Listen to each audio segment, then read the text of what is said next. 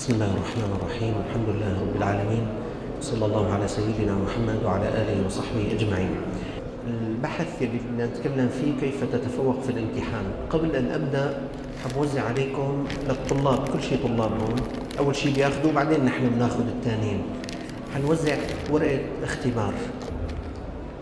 من أول الشغلة. طيب في أسئلة في 12 سؤال. أجب عليهم بنعم أو لا؟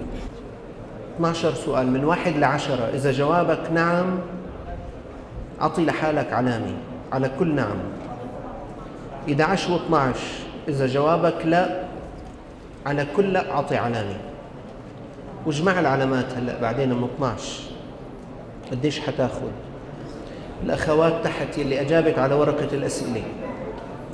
من واحد لعشرة. كل جواب نعم أعطي حالك علامة واحد. وكل جواب لا صفر. 11 و12 إذا جوابك لا أعطي حالك علامة. وإذا جاوبتي نعم أعطي صفر. هلأ إجمعوا العلامات.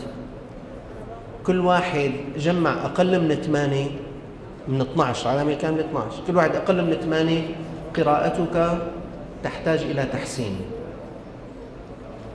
يعني في عندك مشكلة بالقراءة هالمحاضرة حبساعدك كيف تحسن قراءتك؟ كل واحد أخذ أقل من ثمانية كل أخت أخذت أقل من ثمانية قراءتك ودراستك بدها تحسين. هالمحاضرة حبساعدك كيف تحسن قراءتك. في عنا كثير من الأخوة والأخوات طلاب لأنه هن بيقول لك والله يا أستاذ عم بقرأ. بيرجع لعند أبوه بيقول له والله درست والله تعبت. بس بيتفاجأ العلامات مو مو كما درس. معناتها قراءتك وأسلوب حفظك في خطأ.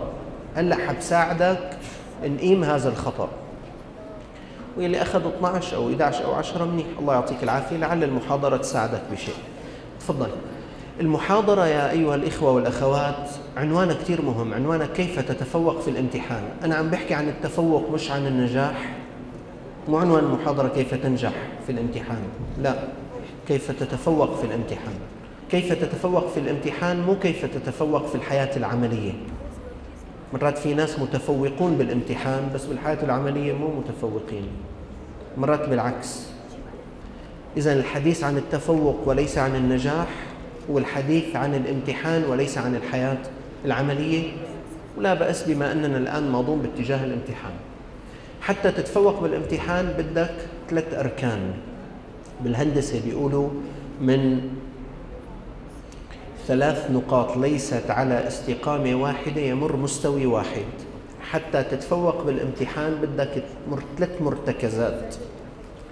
بدك إرادة التفوق أن تريد أن تتفوق. عشان هيك المحاضرة كيف تتفوق مو كيف تنجح. يا شباب كل واحد ناوي ينجح وبس. يا بينجح يا بيرسب. بس كل واحد ناوي يتفوق يا بيتفوق يا بينجح نجاحا جيدا. فأنا الآن بهالمحاضرة بهالجلسة أريدك أن تتفوق. يعني أنت هلأ لازم تحاكي حالك. أنا بدي أتفوق. سمعان؟ مو بدي أنجح. بدي أتفوق. حتى أتفوق بدك ثلاث أشياء. إرادة التفوق بعدين بدك تسترجع المعلومة كاملة صحيحة في قاعة الامتحان بعدين بدك تكتبها على الورقة. لأنه في ناس بيسترجع المعلومة بس ما بيكتبها على الورقة ما بفيدنا شيء هدول الثلاثة بدك. بدك تريد وبدك تسترجع المعلومة هلأ بنشوف بشروط وبدك تكتبها على ورقة الامتحان. هالثلاث محاور هي محاور محاضرة اليوم. أول شيء إرادة التفوق بالله شوفوا لي هالمنظر. تفضل. شايفين هالولد؟ أنا مرة عرضته هذا الولد من زمان. منتبهين شيء على شيء بهالولد؟ ما له إيدين. هيك مخلوق بلا إيدين. بس هو يريد أن يمارس الحياة كما هي.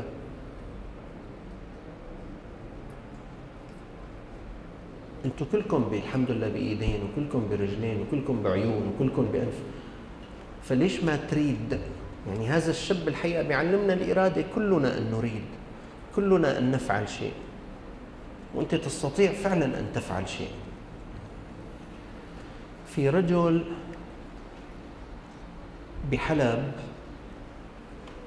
ضرير لا يبصر بيشتغل معقب معاملات. نحن المفتحين إذا بدنا معاملة هو بيساوي لنا راقبوه مرة. شو يعني معقب معاملات؟ يعني هذا بيعرف دوائر الدولة بيروح كلها والمكاتب وأمانات السر والدواوين بفوت عليها راقبوه كيف؟ والله الشغلة صعبة. يعني كيف هو يعلم وهو ضرير لا يبصر؟ فلاحظوا بأنه يعد خطواته. عدد خطواته وحافظهم.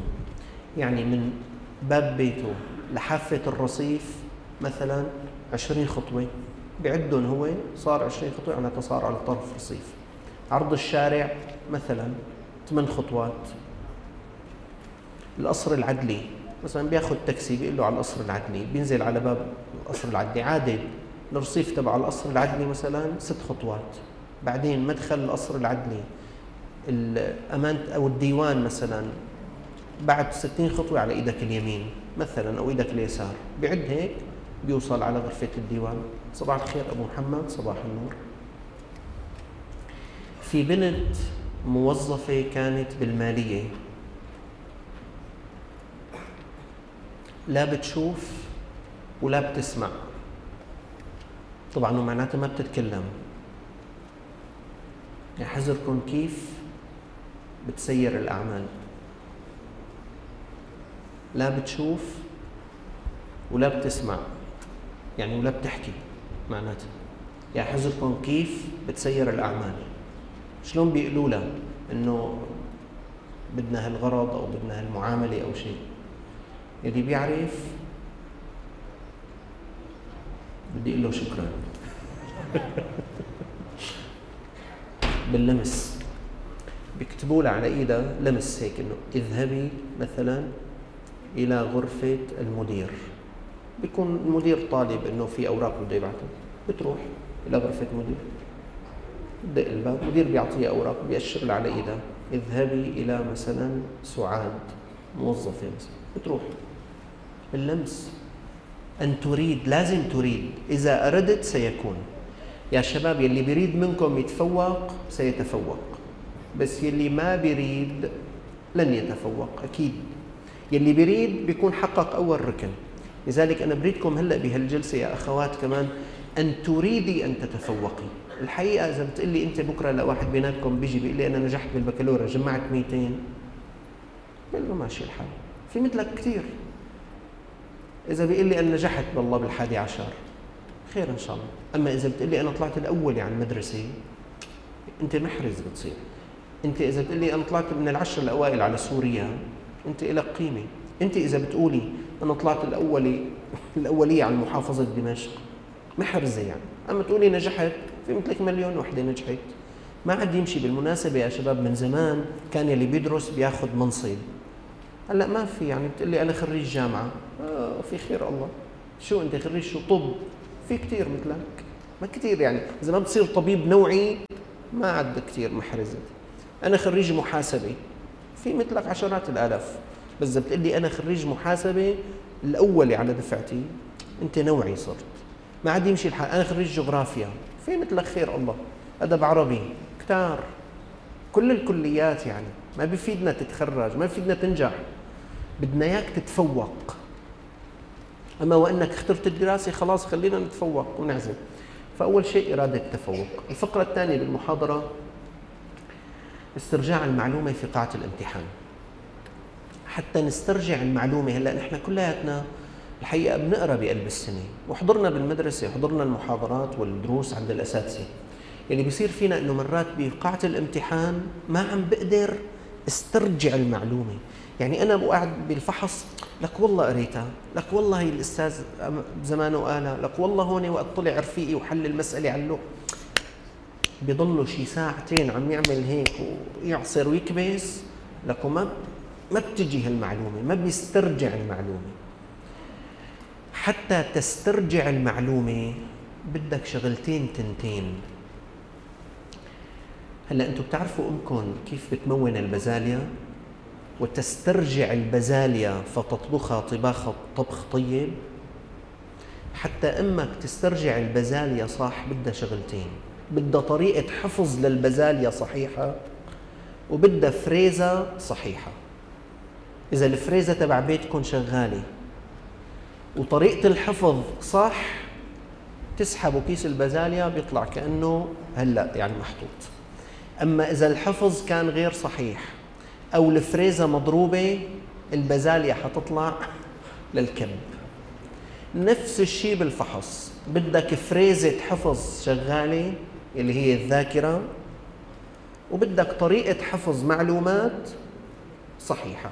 طريقة حفظ صحيحة وفريزة صحيحة.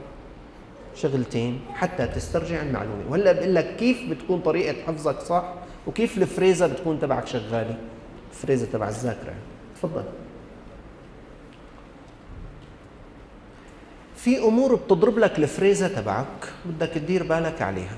هلأ الأمور التي تؤثر على الذاكرة على فريزة الحفظ تبع المعلومات مش تبع البزاليه ديروا بالكم يا شباب من هذه الأمور لا حدا يقرب عليها. واحد. نسأل الله السلامة تناول المسكرات والمخدرات والإفراط في التدخين والعادة السرية هدول بيضربوا الذاكره أو بيأثروا عليها إذا بتلاحظوا يا شباب كلهم محرمات الله ليش حرم الخمر؟ ليش ليش أذن لنا بعصير البرتقال وقال ممنوع الخمر؟ ليش أذن لنا بعصير الليمون الطبيعي وقالنا البيرة ممنوع؟ ليش أذن لنا بعصير المانجا الطبيعي وأن شراب القوة اللي في بقلبه آه، كحول ممنوع؟ لو كان 0.004 ليه؟ لأنه البردقان بيفيدك بس المسكر بضرك لأنه الليمون بيفيدك بس البيرة بتضرك لأنه المانجا بتفيدك بس شراب القوة اللي معه 0.004 كحول هذا بضرك هذا الكلام يا شباب مو شيخ كاتبه يعني مش أنا اللي كاتبه الحقيقة الدراسات علمية. ما أحد بيناتكم ينتبه انتبه يعني إذا اجى واحد رفيقه وقال له أخي جرب هي شوف هي دوق هي بطريقة إرادية أو لا إرادية أنت عم تضرب أجهزة في جسمك واحدة منها هي لذلك هذا سيؤثر على تفوقك في الامتحان. شايف؟ هو معصية من مكان بس أثرت على تفوقي في مكان ثاني نسأل الله السلامة الإفراط في التدخين يا شباب ما بصير شاب معقول أو فتاة. شو أنت بتدخن؟ ما بصير أخي إيه رفيقي ضيفني؟ شو ضيفني؟ حطها تحت رجلك وافعسها طيب والله بس هيك أنا يعني عم بحس حالي لما عم مرات بيجي على بالي دخين. في كثير شغلات أنا بتيجي على بالي بس ما لازم ساويها. هلأ أنا شخصيا مثلا جاي على بالي مثلا شو رحلة شي سيران لشي أرنب بس مالي قدران إلا أروح. منيح. برمضان أنا بيجي على بالي أشرب مي عطشان بس ما في ممنوع ما بدي أشرب. بدي أضغط على نفسي. عرفت؟ مرات تشوف مع رفيقي شي جوال فخم بيجي على بالي إنه أنا ألطشه منه بس ما بصير ألطشه. عرفت؟ مو كل شغلة بتجي على بالك انت بدك تساويها. في كثير شغلات جاي على بالنا ونحن ما مساويها في مرات أنا بيكون جاي على بالي آخذ لي نفس ارجيله صدق؟ بيجي واحد يعني بيقول لك والله في ناس هيك عم تقعد هيك وتقعد حل طاوله ويحطوا لهم ويجيبوا نفس ارجيله لك وريحه معسل يعني. بيجي على بالي. أنا أنا عم بحكي عن حالي أنا. صدقوا بيجي على بالي. بس شو بيجي على بالي؟ يضرب بالي. عرفتوا يا شباب؟ لازم تضغطوا. يعني لازم تتعلموا تضغطوا على أنفسكم. ما كل ما يتمنى المرء يدركه. في أشياء نسأل الله السلامة. سلوا سلوا بالله الآن الناس الذين في السجون من السارقين ومدمني المخدرات ليش صاروا هنيك؟ لأنهم اتبعوا هوى أنفسهم. شيء فشيء كبرت معه الأمور. كان أول شيء مصروفه يكفيه بعدين احتياجاته وأهواء نفسه ما عاد كفته. صار يطلب من والده والده ما معه كل المال نسأل الله. بعدين صار يمد إيده على مال أبوه أو أمه. بعدين راح لعند رفيقه بعدين راح للجار بعدين صار سارق. شو البداية؟ البداية إنه جاي على بالي. فأنا بدي أضغط على نفسي. هذه تؤثر سلبا على الذاكرة. العادة السرية محرمة تؤثر على الذاكرة. طيب أخي أنا نفسي عم تضعف. شو تضعف؟ بدي يعني غالبة مغالبة حتى تمشي بالطريق المستقيم. شو اللي بيساعدني؟ بيساعدك احضار في مجال احضار مع الصالحين. املأ وقتك بالنافعات. ابتعد عن هذا الأمر. تفضل. من الأمور التي تؤثر سلبا على الذاكرة السهر الطويل والإجهاد المتواصل. في بعض الشباب بعض البنات بيسهروا كثير بشهر الفحص. حتى قبل شهر الفحص يعني بدءا من هلأ أو قبل جمعتين ثلاثة أو يوم بيسهر كثير. هلأ هو يظن نفسه بإنه هو عم يحفظ. مثل والدتك لما عم تظن إنه حطت البازاليا بالفريزر بس حقيقة الفريزر عم تهرب هواء ما بيفيدك السهر الطويل الحقيقة مو نافع يا شباب. لازم كل أخ بيناتكم كل شاب أو كل بنت بين الست ساعات وثمان ساعات نوم بال 24 ساعة. لازم تنام 8 ساعات. حتى يوم الفحص وقبل الفحص. وإذا قبل الفحص اضطريت لشيء لازم تعوضه بال 24 ساعة الثانية. لأنه هذا الدماغ هلأ الجسم والعضلات بده سكريات. الدماغ بده نوم. الذاكرة بدها نوم. لازم تنام. النوم بيعمل تنشيط للذاكرة. لذلك أنتم بتعرفوا هلأ صار بالدول المتقدمة حتى قيلولة النهار صارت إلزامية للعمال. باليابان الآن صار بالمعامل في تخوت. العامل متى ما صار الساعة تنتين بدك تروح تنام قيلولة النهار إجباري النوم بتنام له ربع ساعة. وجدوا بأنه هذا العامل اللي عم بينام هالثلث ساعة أو النصف ساعة عم يرجع يستعيد حيويته وطاقته. الذاكرة تبعك دماغك بالنوم بيرتاح. لذلك لا حدا يسهر 24 ساعة 20 ساعة إنه أخي أنا عم بدرس هو انت صح عم تدرس وعم تظن نفسك بإنك حفظت وعم تحط هالمحفوظات بقلب الذاكرة. بس يوم الفحص عم تجي تقول لك والله هي قريتها والله هي درستها والله حطيت تحتها خط والله رسمت دائرة بس ما بتجي ما بتطلع. السبب إنه الذاكرة تبعك فيها كان تهريب. عرفت؟ أثرت سلبا. السهر الطويل والإجهاد المتواصل وقلة النوم والراحة. تفضل.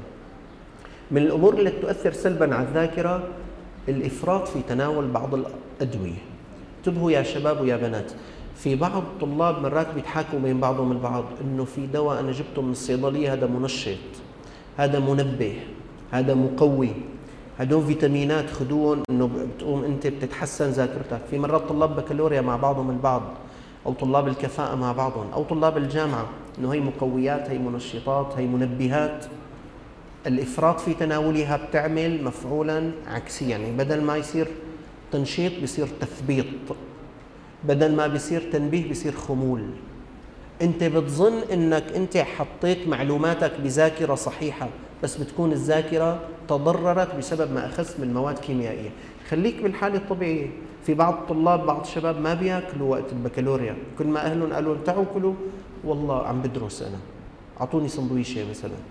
أو بيجيب وجبة سريعة بياكل. هلأ حتشوفوا بيساوي مشكلة هذا معه من حيث مو دريان فلذلك هذا يؤثر سلبا على الذاكرة. أربعة. تفضل. من الأمور التي تؤثر سلبا بعض الأمراض البدنية. نسأل الله السلامة. كالسل والسرطان.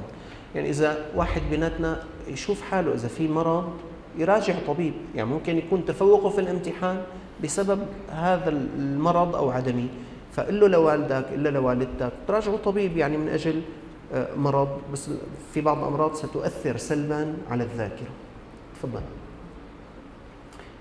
إذا هذه الأمور الأربعة التي تؤثر سلبا على الذاكرة. شو يعني تؤثر سلبا؟ يعني مطلوب أن نحن هذه الأربعة نضرب عليها. من أجل أنه يكون في عندي حافظة جيدة. أنا قلت كيف تتفوق بالامتحان؟ بدك ثلاث أشياء. واحد الإرادة اثنين بدك استرجاع المعلومة صحيحة كاملة بالامتحان. كيف بدي استرجع المعلومة؟ بدي شغلتين. بدي جهاز حفظ جيد ذاكرة جيدة. وبدي طريقة حفظ جيدة. شو اللي بيأثر على الذاكرة تبعي؟ هالأربعة. هلأ حنشوف شلون بحفظ بطريقة صح. تفضل. هلأ أهم الأمور التي تؤثر سلبا على الحفظ لأنه أنا لازم يكون حفظي منيح ولازم تكون ذاكرتي منيحة. عرفت شو لون الذاكرة؟ هلأ بدي بالحفظ. تفضل. إشغال الذهن بأكثر من موضوع واحد. يعني واحد فاتح كتابه تبع الجبر دفتر الجبر عم يقرا هيك وشعل التلفزيون على الأخبار. شوية جبر هون شوية أخبار شوية جبر شوية أخبار. صار المخ مشغول بكم شغلة؟ شغلتين. صار معناتها التركيز بدل ما يكون مية بالمية صار خمسين بالمية. فبالتالي هو عم فكر حاله إنه أنا منيح عم بحفظ بس هو الحقيقة طريقة الحفظ غير جيدة. واحد قاعد جاي لعنده ضيوف قاعد مع الضيوف وماسك آه، كتاب الفيزياء أو كتاب العلوم حاطه على حضنه هيك وعم بيقرأ. شوي بيحكي مع ابن خالته شوي بيقرأ. شوي بيحكي. واحد حاطط الجوال تبعه فاتح الواتس. إنه رفقاته كل ما بعثوا له شو أخبارك؟ ما هو بيقرأ له شوية فيزياء. الحمد لله. بيرجع بيقرأ شوية فيزياء. فيه بيقول له شو عم تساوي؟ عم بدرس بيرجع. هو فعلا عم يدرس ها؟ بس 50% هذول طريقة لأنه عم يشغل ذهنه بأكثر من موضوع. خلص أنا عندي هلأ دراسة بدي أفصل هالجوال لا بدي أرد على حدا لا بدي أرد على التليفون خلص بدي أقرأ. هلأ عندي ساعتين دراسة. لذلك أنا بعرف في بعض الأخوة والله شغلة منيحة. مثلا مثلا عنده امتحان بكالوريا.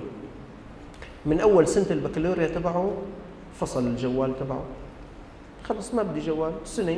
شو هالهم العظيم؟ في بعض شباب هلأ مثلا قبل الفحص بشهر شهر ونص ما عاد بده الجوال قام السيم تبع الجوال وخلص ما بدي يعني يلي بده إياك بشكل كثير مهم. يا أخي بدق لك على البيت بيسأل أهلك وينك؟ بجاوبك. أما إشغال الذهن بأكثر من موضوع هذا بيأثر سلبا على الحفظ. اثنين عدم وجود الرغبة في الموضوع. هلأ هذا أمر مهم. يلي ما بيحب ما بيقدر يدرس منيح. بدك تحب بدك تحب المادة تحب الدراسة. لذلك أنا نصيحة كل واحد ما بيحب مادة لا يدرسها. لا واحد بيقول أنا ما بحب ولا واحدة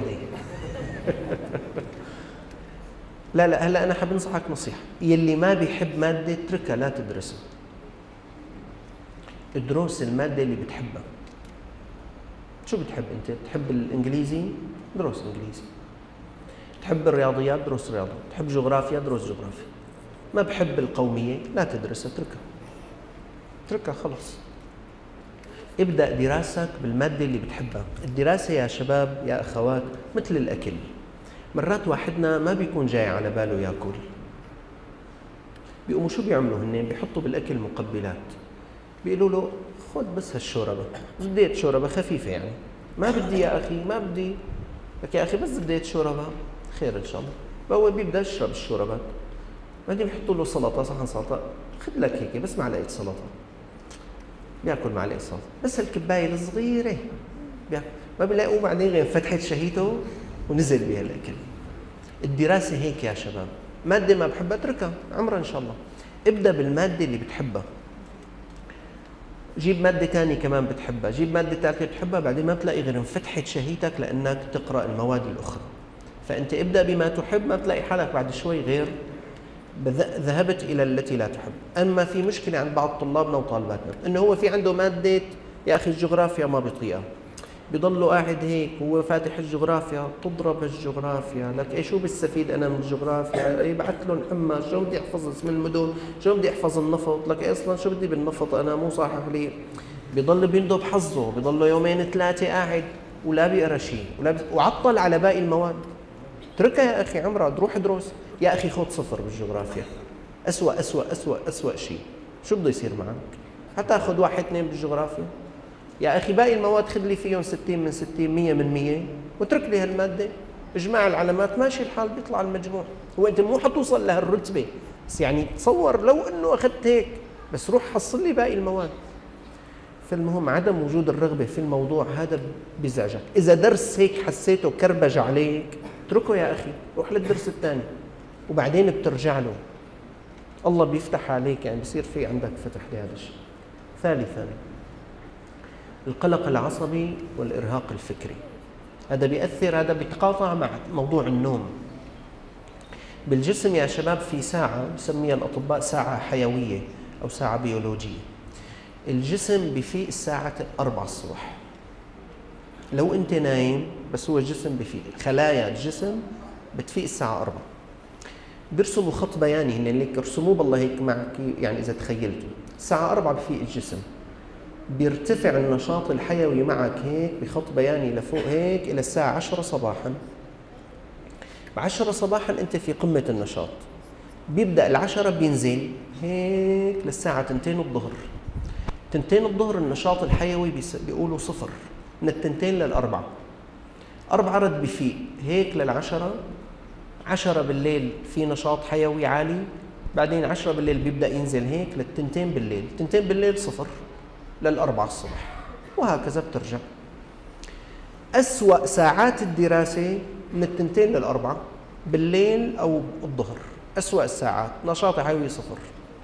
أحسن ساعات الدراسة بدءا من الأربعة الصبح هيك للعشرة 11 بعدين بيبدأ يخف النشاط الحيوي.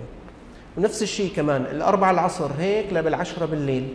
زي اللي بده يوزع ساعات دراسته وساعات نومه ينام وقت النشاط الحيوي بيكون نازل.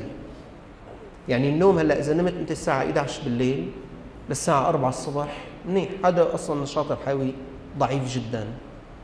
فأنت نمت الساعة 4 فقت صليت ركعتين تهجد صليت ركعتين الفجر والسنة وبدات بالدراسة.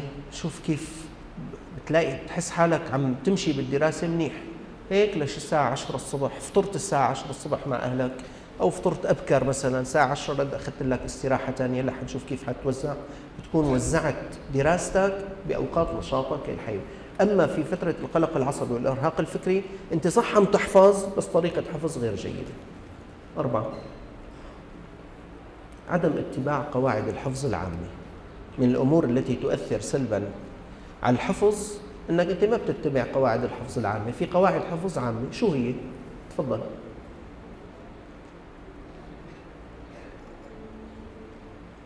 وجه اهتمامك جيدا إلى الشيء الذي تريد حفظه. واعقد. النية على حفظه. المادة العلمية تبع هالمحاضرة أنا حبنشر لكم إياها إن شاء الله على دكتور شعال dot com. يعني ممكن واحد يدخل على الموقع إن شاء الله بياخذها وحتى بشوف الأخوة الفنيين إذا بنقدر بننزلها على صفحة ال Face كمان ممكن تاخذون وجه اهتمامك جيدا إلى الشيء الذي تريد حفظه. يعني هلأ أنا بدي أقرأ إنجليزي أو فرنسي. بدي أفتح هالكتاب. بدي أقول له شوف لك حفظ بدك تنحفظ. عجبك أو ما عجبك؟ كلكم 100 صفحة بدكم تنحطوا بهالمخ. مالي تارككم لتنحفظوا مخي يا أنا يا أنت بهالدنيا. مو معقول هو يعني كلهم 100 صفحة هدول. عرفت؟ ودخيلك شو يعني شو شو هالرياضيات العالمية اللي عم تحفظها؟ بدها تنحفظ يعني بدها تنحفظ. خلي كل حواسك هون رايحة باتجاه هذا الكتاب وهذا الدفتر وقرر أن تفعل. اثنين. وجه حواسك إلى الشيء الذي تريد حفظه. كم حاسة في للإنسان؟ خمسة. بيقولوا يلي بيحفظ بحواسه الخمسة بيحفظ مية بالمية واللي بيحفظ بأربعة 80 بثلاثة 60 40 20 شلون؟ يلي بيفتح الكتاب وبيقرأ بعيونه قراءة صامتة. كم حاسة شغال؟ وحدة بس بالعين. معناتها الحفظ 20% هلا هو لو عم يحفظ 100% بس طريقة حفظ غير جيدة. 20 طيب. هلا إذا بعيونه وصار يحكي صار يقرأ النص هيك بصوت عالي شو صار معنا؟ صار عين وصار سمع وصار نطق. إذا بعيونه وصار يحكي بصوت عالي وصار يلمس هيك يحط على السطر أو يرسم دائرة حول الكلمة المهمة أو يرسم مربع أو يكتب ثلاث كلمات مفتاحيات تبع الفقرات. صار في عندي لمس وسمع وبصر ونطق. حتى بيقولوا شغلة تبع الشم شلون بدي شمه الدرس؟ بيقولوا مفيد إنك أنت مع كل فصل بالكتاب أو درس تحط ريحة عطر معينة. جيب لك شي أربع خمس عطورة Eternity One Man Show و Lucky Man هلأ عندي درس ما بعرف شو حط Eternity ودهن بالمناسبة بيحكوا بأنه الشم يعني من أقوى الحواس في استرجاع الذاكرة. حطيت Eternity على درس من الدروس. جربوا بالله حطوها هي بالدروس الصعبة. هلا انت لما بالفحص تجيك سؤال من هالدرس وبتنساه نسيت ما عم تجاوب. المخ الذاكرة تبعك بتسترجع إنه هاد تبع الاترنتي في ذاكرة شمية لأنه. الذاكرة الشمية بتروح بتذكر الذاكرة الثانية البصرية أو السمعية بالفكرة اللي جبتها من الممكن أن تأتيك. إذا صعب عليكم شيء درس بالله يحطوا له ريحة عطر مميزة يعني. هلا إذا ما كان ماشي الحال. يعني إذا شغلت أربع حواس ماشي الحال. وجه حواسك. هي من قواعد الحفظ العامة. تفضل. استعد في ذهنك بين وقت وآخر صور الأشياء التي تحفظها. هلأ إذا أنت اليوم حفظت درس مو تتركه لبعد شهر لحتى ترجع تراجعه. لا اليوم حفظت درس. بكرة قبل ما تبدأ بدروسك الجديدة حاول تسترجع إنه امبارح أنا درست كذا وكذا وكذا وكذا. شايف عشان تسترجع الصورة. هلا أنتم عم تنتبهوا علي بقلب خطبة الجمعة أنا شو عم بعمل؟ أنا مرات عم طبق شغلات هيك هلا أنا بأول كل خطبة بعد لكم الأول آية الآية اللي بحكيها. ربنا لا تؤاخذنا إن نسينا أو أخطأنا ربنا ولا تحمل علينا اسرا كما حملته. بعدين والذين إذا فعلوا فاحشة أو ظلموا أنفسهم بعدين بعد لكم نفس الحديث صار لي 14 مرة كل يوم جمعة بعد لكم إياه. هلا أنا ما عم بقول لكم احفظوا بس حقيقة في عدد من اللي قاعدين حفظوا شايف أنا مرقته هيك لدماغك من حيث لا تدري. أخي هذه سلسلة خطب أخطاء شائعة. عم نحكي عن خطب بالأسرة عنوان أسرتي سكني ومسؤوليتي. وخطأ بالسوق التجاري شعارها أسواقنا. شايف؟ عم يحفظوا الناس مع إنه أنتم لا جايبين ورقة ولا جايبين قلم ولا عم تكتبوا ولا عم بعرضك. ليش؟ بس مع التكرار وعم بسترجع لكم صور الأشياء التي تحفظونها. فأنت بدراستك ساوي هيك أنت معك دفترك وقلمك وكتابك. حاول بين كل فترة أن تستعيد صور الأشياء التي تحفظها. اليوم حفظت بكرة قبل ما تبدأ بدرس جديد استرجع هيك سريعا نص ساعه انه شو قريت أنا امبارح. يوم السبت مع بداية الأسبوع الجديد إنه الأسبوع الماضي أنا درست كذا وكذا وكذا وكذا. بأول الشهر هذا مشان يضل في ربط للمعلومات لما بكرة بالفحص بيشدوا بعضهم البعض. أربعة. حاول أن تربط كل جديد تحفظه بمعلوماتك السابقة. يعني مرات أنت بتلاقي معلومة قريتها بالفيزياء إنه هي بتشبه أخذناها بالرياضيات كمان هذه الفكرة. اربط تبع الفيزياء مع تبع الرياضيات. في أخ مرة رحت زرته رجل فاضل هو ووجيه أخذت معي عشرين شابا. زرناني أول مرة. أنا بعرفه بس العشرين شاب أول مرة. والله يا شباب فتنا لعنده. سلمنا عليه. السلام عليكم. واحد واحد على مكتبي وجلسنا عشرين شابا. فأنا بدي أعرفه عليهم. بدأت أول واحد هون على اليمين. والله فلان الفلاني طالب كذا عم يدرس كذا. قام هو قال له أنت فلان الفلاني شو بيقربك؟ قال له أبي. قال له أبوك ما شاء الله بنعرفه كذا وصداقة قديمة. خلصنا. من الثاني فلان الفلاني. قال له فلان شو بيقربك؟ قال له هذا خالي. خالك كان شريكنا وكذا. ثالث الرابع 20 واحد. كل واحد يطلع له شغلة. هلا بس خلصنا الجلسة وبدنا نمشي. اجى بدنا نسلم عليه. والله يا شباب لأول مرة يلتقيهم العشرين واحد عاد لهم العشرين اسم تبعهم. الله أكبر. فلان الفلاني أهلين وفلان وكذا. شو عمل هو؟ شو بده يحفظ أسمائهم عمل ربط بين أسمائهم وما يعرفه من زمان. هذا بيعرف أبوه هذا بيعرف خاله هذا بيعرف عمه هذا اسمه على اسم أخوه هذا اسمه على اسم جده. هذا اسم؟ قام حفظهم.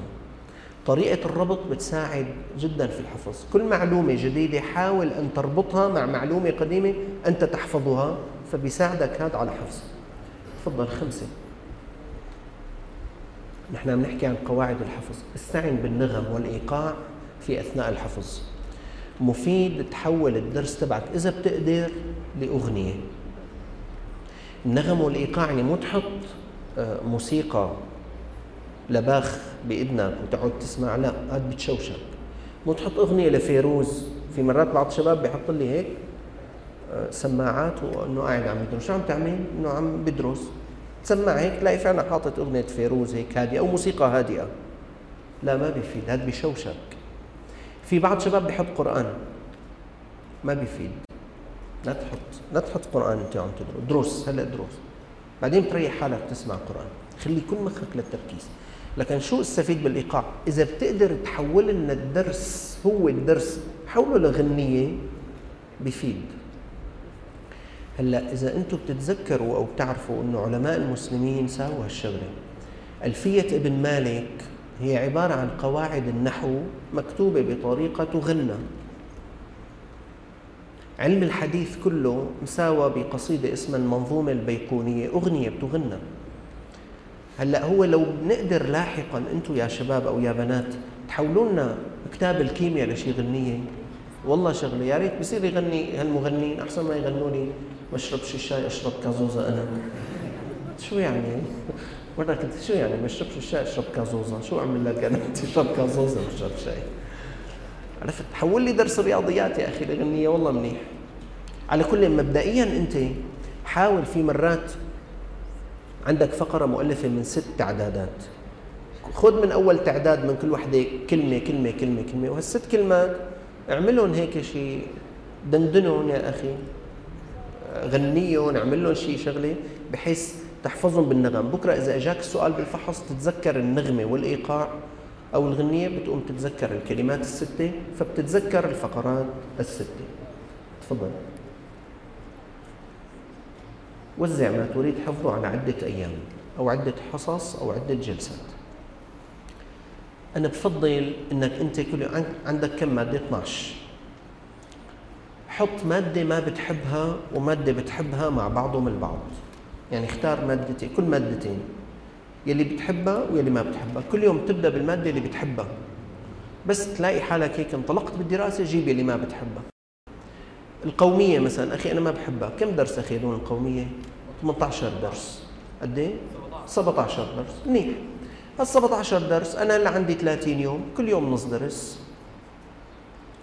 فأنا بمرق هلأ حبدرس الرياضيات. تعبت من الرياضيات مليت مرق صفحة قومية. رد كمل الرياضيات شوي رد مرق صفحة قومية ثانية هذا نص درس تبع اليوم.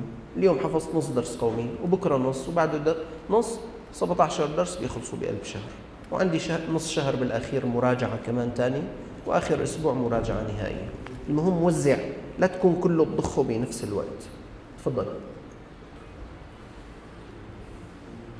لابد بعد الحفظ من الراحة. يا شباب كل ما خلصت فصل اترك الكتاب روح بتحب تنام لك شوي تحب تاكل لك تفاحة تحب يا أخي تتفرج لك شوي على التلفزيون تحب تقعد مع إخواتك تحب تدق لرفيقك تتسامر أنت وياه. زين صلي الجماعة بالجامع. مفيد تطلع من كل الجو كمان ها؟ يعني هلا مثلا أذن الظهر وأنا خلصت الفصل خلص بنزل بجي على الجامع بتوضا بشوف لي واحد من أصدقائي إخواني بسلم عليهم كيفك؟ إن شاء الله بخير. بين ما نصلي الفرض والسنة نص ساعة زمان. المخ تنشط يعني راح هيك طلع. والدتك قالت لك الله يرضى عليك روح جيب لنا لبن. هلا في مرات بعض أمهات وآباء أنا ابني عنده بكالوريا. لا لا لا لا حدا يخليه يجيب شيء لا حدا يحكي معه يا أخي عنده دراسة الولد. مو صح. مو صح له يروح يجيب غرام. بالعكس هو إذا نزل على البقالية واشترى لبن يا سيدي واشترى كولا معه واشترى كذا غير جو تسلى له نص زمان ورجع على الدراسة. بس مو طيب. بس يعني إيه بتروح لك نص ساعة بترجع؟ غيرت جو. بعد كل ما تخلص فصل خذ لك استراحة. نام يا أخي. تقاتل مع أخوك. لك شو ما بدك بس مهم يعني اطلع من جو هالدراسة. بدك ترجع هيك بتتنشط. طيب تفضل. ليش عفوا ليش هذه هذا الأمر؟ الدماغ في له آليات جل الله ما يجهله الإنسان أكثر بكثير مما يعلمه. هلأ أنا صبيت معلومات لمدة ساعتين. لما بعطي الدماغ استراحة بالدماغ في أجهزة لترتيب هذه المعلومات. فأنت لما بتعطيه استراحة بيكون الدماغ هو صح عم أنت ظاهرين عم تستريح بس هو عم بيرتب المعلومات التي وضعتها. بكرة بتجي على الفحص فورا بيرجع لك إياها مرتبة. أما إذا ما عم تعطيه استراحة أنت صح عم تعبي معلومات بس المعلومات هيك فايتة ببعض البعض. تفضل. ابدأ الحفظ بالطريقة الكلية ثم انتقل إلى الطريقة الجزئية. يعني أنا أول ما بفتح الكتاب مو فورا ببدأ بأول درس بدي أقرأ شو مكتوب لا. بدي أقول هذا الدرس هذا الكتاب يا أخي 17 درس. الدرس الأولاني في بقلبه أربع فقرات كبيرة. عنوانه كذا وفي أربع فقرات كبيرة. كل فقرة في بقلبها ست إعدادات. هيك نظرة كلية. الدرس الثاني الثالث الرابع هي كلية. بعدين ببدأ بقى بدخل بالتفاصيل. عندما تنتهي من دراسة فقرة دون أهم الأفكار فيها.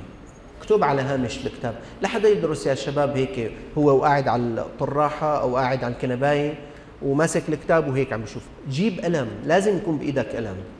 قلم رصاص قلم أزرق قلم تلوين قلم آه، فوسفوري. فكرة قوية مثلا لقيتها هي مهمة. حط عليها إشارة بالقلم الفوسفوري.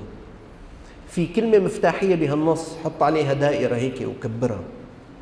في فكرة جيدة اكتبها على الهامش. قدرت في مرات أنت بتقرأ بالنص صفحة تلخيصها بسطر. لخص السطر اكتبه فوق. بكرة وقت الفحص بدك تعمل مراجعة سريعة. تقرأ هال هالكلمات المفتاحيات بيساعدوك كثير في استرجاع كل المادة. تفضل. آخر وحدة أي من قواعد الحفظ العامة اطلب من الله تعالى أن يرزقك قوة الذاكرة وأن يرد إليك المعلومات عند حاجتها. لأنه يا شباب كل عقولنا وكل قلوبنا وكل خلايانا بيد من؟ بيد الله عز وجل. قل له دخيلك يا رب. علمني وفهمني. الله عز وجل قال ففهمناها سليمان. حاب أعلمكم دعاء. قولوا اللهم إني أستودعك ما قرأت. يا رب أنا اللي قرأته حطيته وديع عندك. ما تقول ما حفظت لأنه بجوز أنت ما تكون حفظت. اللهم إني أستودعك ما قرأت. أن ترده إلي عند الحاجة. بس احتاج يا رب جيب لي بعينك إن شاء الله الله بيرجع لك يا فقل له هيك يا رب إذا صليت بقيام الليل بالتهجد بعد فريضة قل له يا رب أنا ما أقرأه وديعة عندك رده إلي عند الحاجة. تفضل. أيوة. إذا المحاضرة مؤلفة من ثلاث فقرات. أول شيء إرادة التفوق كيف تتفوق في الامتحان؟ أول شيء إرادة التفوق. اثنين استرجاع المعلومة كاملة في الامتحان. شلون بدك تسترجع المعلومة؟ بدك ذاكرة منيحة؟ وطريقة حفظ منيحة حكيت لك الأمور الأربعة التي تؤثر سلبا على الذاكرة والأمور العشرة التي تؤثر سلبا على الحفظ. وحكيتك عن طرق الحفظ الجيد. هلا آخر وحدة ماشي الحال. أنا أردت أن أتفوق واسترجعت المعلومة. لازم تكتبها على ورقة الفحص لأنه المراقب ما بيعرفك أو المدرس بده يشوف شو كتبت أنت. وبيقيمك على ما كتبت مو إنه والله يا أستاذ هيك قصدي. ما بيعرف هيك قصدك أو مو هيك قصدك بيعرف شو مكتوب. فلازم تكتب المعلومة كاملة. والله نرجع للعنوان لأنه انتبهوا يا شباب. لازم تكتبها هالكلمتين مهمات كاملة صحيحة. في بعض شباب بيكتبوا المعلومة ناقصة وفي بعض بيكتبوا معلومة خطأ. هلأ حاب أحكي لكم؟ بدها تكون كاملة وصحيحة. تفضل. هلأ هون في ملاحظات مهمة. هذا أمر كثير مهم. فهم السؤال قبل الجواب. ياما مرارا يا شباب يا بنات. في طلاب بيقول لك والله كتبت والله تليت الورقة والله حكيت اللي بده إياه الاستاذ بس هو عم بيجاوب على غير المطلوب. أنا أدرس في كلية الشريعة وكلية القانون. بدي أحكي لكم هذه القصة. من شي عشر سنوات طبعا بصلح أوراق الامتحان تبع طلاب الجامعة. من عشر سنوات في طالب أنا ما بعرفه من هو لأنه بتعرفوا أوراق الامتحانية بتكون مسكر الأسماء منذ أن بدأت بالتدريس وإلى اليوم هذا الطالب أحلى خط في ورقة امتحان وجدته. ورقة امتحانه جميلة جدا خطه. وأفضل ترتيب لورقة امتحان أنا مرت تحت يدي. من وقت ما بدأت بالتدريس إلى اليوم والمعلومات كل المكتوبة معلومات علمية صحيحة. بس الطالب أخذ صفر. وأنا هلأ واكيد بيكون هو يتخرج بس متمني أعرف لك مين هالطالب. ورقته أجمل ورقة وخطه أحلى خط ومعلوماته مية بالمية بس أخذ صفر. احذروا ليش؟ مجاوب على غير أسئلة. مدري شلون هالطالب يعني أنا كاتب سؤال هو عم بيجاوب بس مو على السؤال تبعي على شغلة مدري شو ضاربة بذهنه. وعم بيجاوب وفعلا لو أنا جايب السؤال يلي هو مجاوب عليه بياخذ مية بالمية. بس أنا غير سؤال جاي. وكل الأسئلة هيك أخذ صفر. ديروا بالكم يا شباب في طلاب بيكتب ورقة الفحص معلومات كاملة وما بعرف وخط ورتاب بياخذ صفر. لأنه كأنه مو فهمان السؤال ماذا يريد يعني. أنا ما عم بسألك عن الشغلة عم بسألك عن شغلة ثانية فأنت عطي لوقتك بقاعة الامتحان يا شباب يا فتيات. عطي وقت لإلك تفهم السؤال إنه الأستاذ شو بده بهذا السؤال؟ فهم السؤال كثير مهم مشان تحط المعلومة. اثنين مراعاة الوقت في قاعة الامتحان مهم جدا. في شباب شاطرين كثير بنات شاطرات كثار وحافظة حافظين. مثلا في عنده أربع أسئلة كل سؤال عليه 20 علامة أو 15 علامة. تلاقي بيجي السؤال الأول بيضل بيكتب بيضل بيكتب بيضل بيكتب لله يفرجها السؤال الثاني وكله صح عم يكتبه. السؤال الثالث برن الجرس. هو بيعرف بيعرف الجواب الرابع بيعرفه. بياخذ 45 من 60 يا حرام. ما راح على الوقت بورقته وهو بيطلع بيبكي. إنه والله بعرفه لك يا أستاذ شان الله. شان الله بس خليني خمس دقائق أكتب. ما بيعطوك بالفحص. والله لو شو ما بتساوي. انتبهوا يا شباب. لذلك وزع الوقت بشكل منيح. بدي أقول لكم شغلة.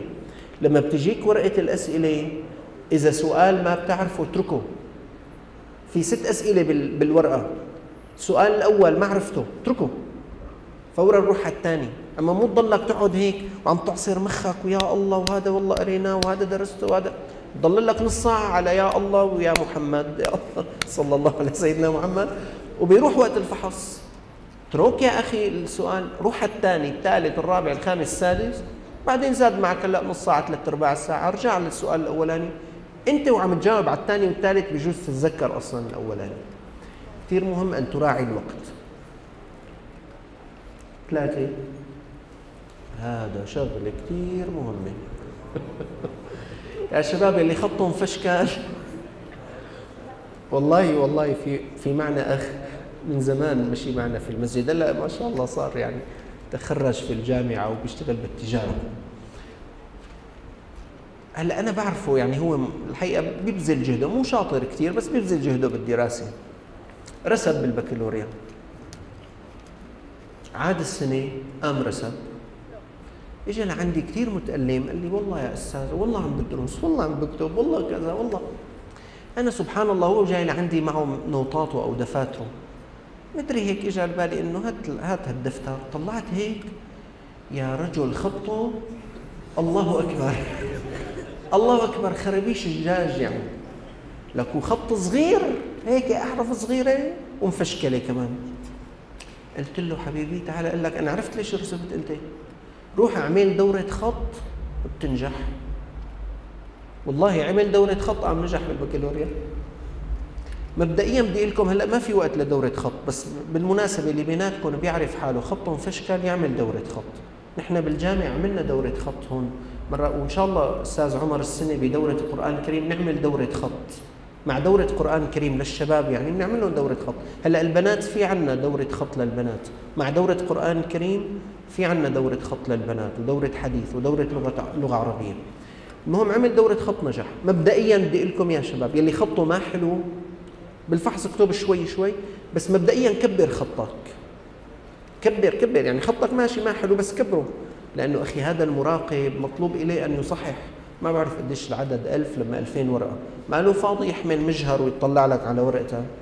الكلمة اللي ما بتنقرأ معه بيعتبرها ما موجودة. ما بتعرف يعني مين المراقب اللي حيطلع. في مراقب يعني بخاف من الله وبيتحرج وبدير باله بس في مراقب بيقول لك شو أنا قايم ترجم له هذا الولد. ما لي حب أكتب شيء. ما لي خلص خطأ. مبدئيا اللي خطه ما حلو رئيس ما يصير كبر خطك بورقة الفحص مشان يكون واضح للمراقب. وبعدين خليها مرتبة. مرة في طالب عند بالجامعة والله بقى بالجامعة بيجاوبوا مش على ورقة واحدة دفتر. في حتى مو بس ورقتين يعني في دفتر بيطلعوا شيء ست ورقات مثلا. والله بتذكر للا في طالب لأنه المراقب بشر كمان.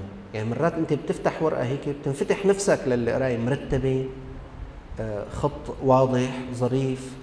ومرات تلاقي مشخوط وما بعرف شو. مرة في طالب هيك فات والله يا شباب كاتب مثلا مبلش جواب السؤال الرابع. بعدين كاتب السؤال الثالث. بعدين يمكن زايد شغلة بتذكرها بالسؤال الرابع. راسم خط هيك كاتب لي اتبع السهم. والله. بعدين اقلب الورقة. تقول هيك يعني مثل شو؟ إيه مثل الخريطة. عامل لي ما بتنشرح صدرك لما هيك وخصوصي إذا مشخوط كثير وعامل لي رسومات معطلة. بعدين بدك ترسم خط خذ مسطرة يا أخي ارسم خط ما ترسم لي بإيدك بيعمل هيك. يعني الرتابة بتريح المراقب بينشرح صدره بزود لك علامة. والفشكله طمط له قلبه يعني. تفضل. طيب هذا يا شباب ما يتعلق بكيف تتفوق في الامتحان. أنا هلا حبسترجع أنا وياكم شو أخذنا بكل هالمحاضرة. كيف تتفوق في الامتحان؟ كم شغلة مطلوب؟ ثلاث شغلات. رقم واحد؟ إرادة التفوق. أن تريد. هلا مالكم طالعين من هون هلا بدي اوقف واحد على الباب. بده يقول له أخي تريد تتفوق أو لا تريد؟ تريد الله معك، ما تريد عود هون. أن تريد أن تتفوق. واحد، اثنين استرجاع المعلومة كاملة. في قاعه الامتحان صحيحة، ثلاثة كتابتها على ورقة الامتحان. مشان إرادة التفوق حطينا لكم صورة هذا الشاب مشان استرجاع المعلومة كيف تسترجع المعلومة صحيحة كاملة؟ بدك شغلتين بدك فريزة صحيحة وبدك طريقة حفظ صحيحة. طريقة الحفظ الصحيحة في أربع شغلات بتضايقك تضرب لك الفريزة. عفوا الفريزة الصحيحة أربع شغلات تضربهم. وطرق الحفظ الجيدة في أربع شغلات بتأثر فيها. وكيف بدك تتبع قواعد الحفظ في عشر شغلات. بعدين حتى تكتب المعلومة في قاعة الامتحان بدك ثلاث أشياء. بدك خط منيح وبدك شو؟ تراعي الوقت وبدك أول وحدة وبدك تفهم السؤال فهما صحيحا وصلى الله على سيدنا محمد وعلى آله وصحبه وسلم.